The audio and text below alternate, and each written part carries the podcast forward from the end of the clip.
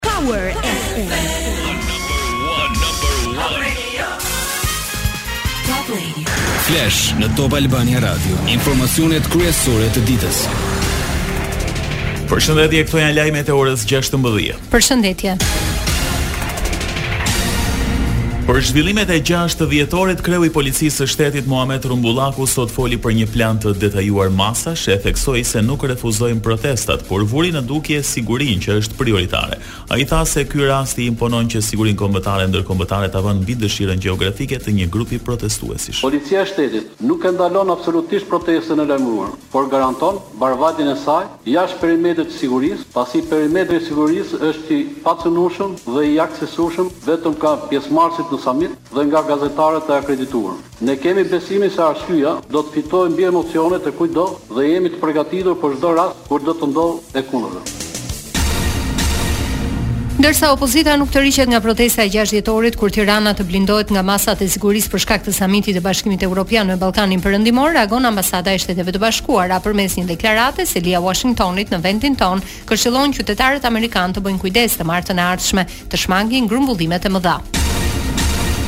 Në thirrjen drejtuar qytetarëve amerikanë në vendin tonë thuhet se edhe pse shumë evente masive zhvillohen në mënyrë paqësore, disa situata mund të ndryshojnë shpejt e në mënyrë të paparashikueshme. Ambasada e SHBA-ve u bën thirrje të monitorojnë mediat e të ndjekin udhëzimet e autoriteteve ligjzbatuese për informacionet e fundit.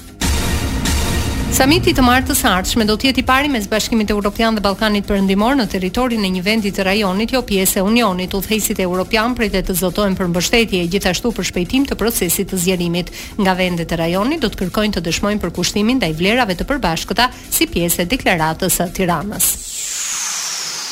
Lajmet në internet në adresën www.topalbaniradio.com.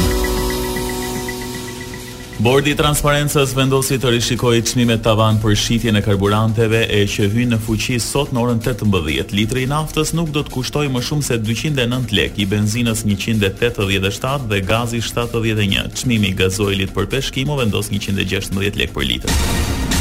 Azilkërkuesit shqiptarë në Britani, The Times shkruan se autoritetet insistojnë që personat të cilët kërkojnë azil me pretendimin e skllavërisë moderne dhe shpresën se do të shmangin faturat e lidhura me trajtimin e një imigranti, të deportohen menjëherë drejt vendit të origjinës. Aktualisht shqiptarët janë ndër emigrantët që në Angli kërkojnë azil me këtë arsyetim.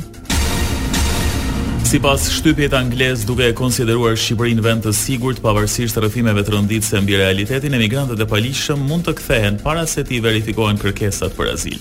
Shqiptarët që abuzojnë me ligjin britanik të skllavërisë moderne për të shmangur dëbimin mund të riatdhesohen në Shqipëri, thuhet në shkrimin e The Times referuar dhe bisedës së kryeministrave Sunak dhe Rama.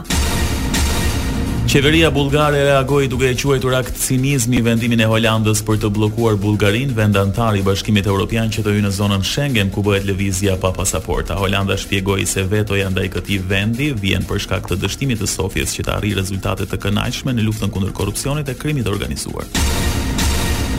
Për pranimin në Shengen të Bullgarisë, Kroacisë dhe Rumanisë, ministrat e drejtësisë të BE-së vendosin në takimet e datave 8 dhe 9 dhjetor. Pranimi i anëtarëve të rinj në Shengen kërkon miratim unanim. Autoritetet kufitare të Bullgarisë thonë se po bëjnë përpjekje të jashtëzakonshme për të ofruar siguri në kufijtë e BE-së.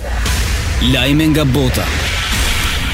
Presidenti amerikan Joe Biden nuk ka ndërmend të flasë tani për tani me homologun e tij rus Vladimir Putin, kjo u bë e ditur nga zëdhënësi i Këshillit të Sigurisë Kombëtare të Shtëpisë së Bardhë, John Kirby. Sipas tij, tashmë i takon Ukrainës të vendosë nëse dhe kur mund të negociohet një marrëveshje paqeje mes dy vendeve.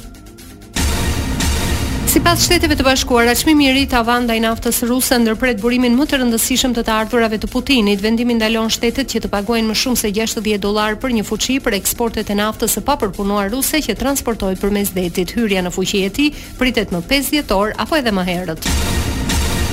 Twitter do të angazhohet për eliminimin e përmbajtjeve terroriste dhe ekstremiste në internet, kështu tha presidenti francez Macron. Në SHBA, shefi i Elizes U takua me Elon Muskun e pati një diskutim të qartë e të ndershëm, sipas fjalëve të Macronit. Musk konfirmoi pjesëmarrjen e Twitterit në nismën Christchurch Call, që pasoi sulme terroriste në Zelandën e Re.